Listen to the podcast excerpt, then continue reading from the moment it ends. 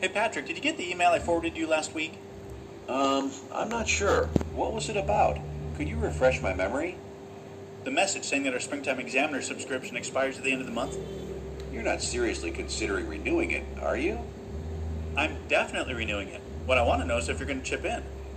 Oh, come on, Winston. Get with the times. Pretty much everyone in our generation gets their news online. Can't call that news. What people read online is fluff. It's like pure sugar that rots your brain, with a few facts thrown in to make you think you're staying abreast of the news. Plus, the internet plays it fast and loose with the facts.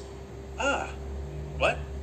the little software company I invested in last week. It's on the upswing. I get notifications about stocks on my phone. See? Case in point.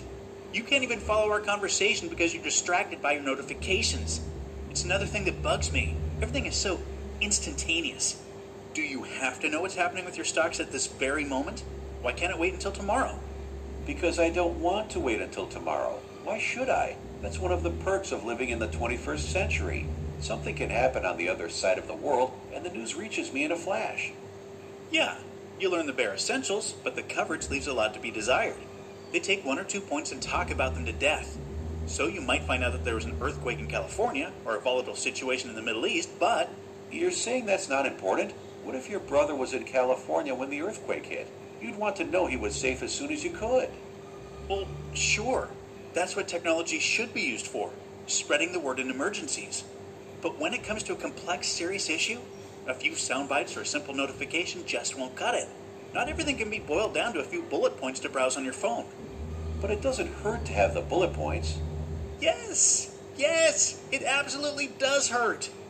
If you dumb things down for quick consumption, people are going to get used to it. They're going to start thinking a political campaign or a pressing social issue can be squeezed into the amount of space it takes to read the weather forecast. People already have a much shorter attention span, and our critical thinking skills are going downhill too. You may have a point, but you're swimming against the current. People aren't going to go back to reading the papers if they can stay informed with less effort. Things change. Newspapers were once the height of progress, and now they're becoming antiquated. Well, I'm still going to renew my springtime examiner. I figured you would, but you're on your own for the subscription fee.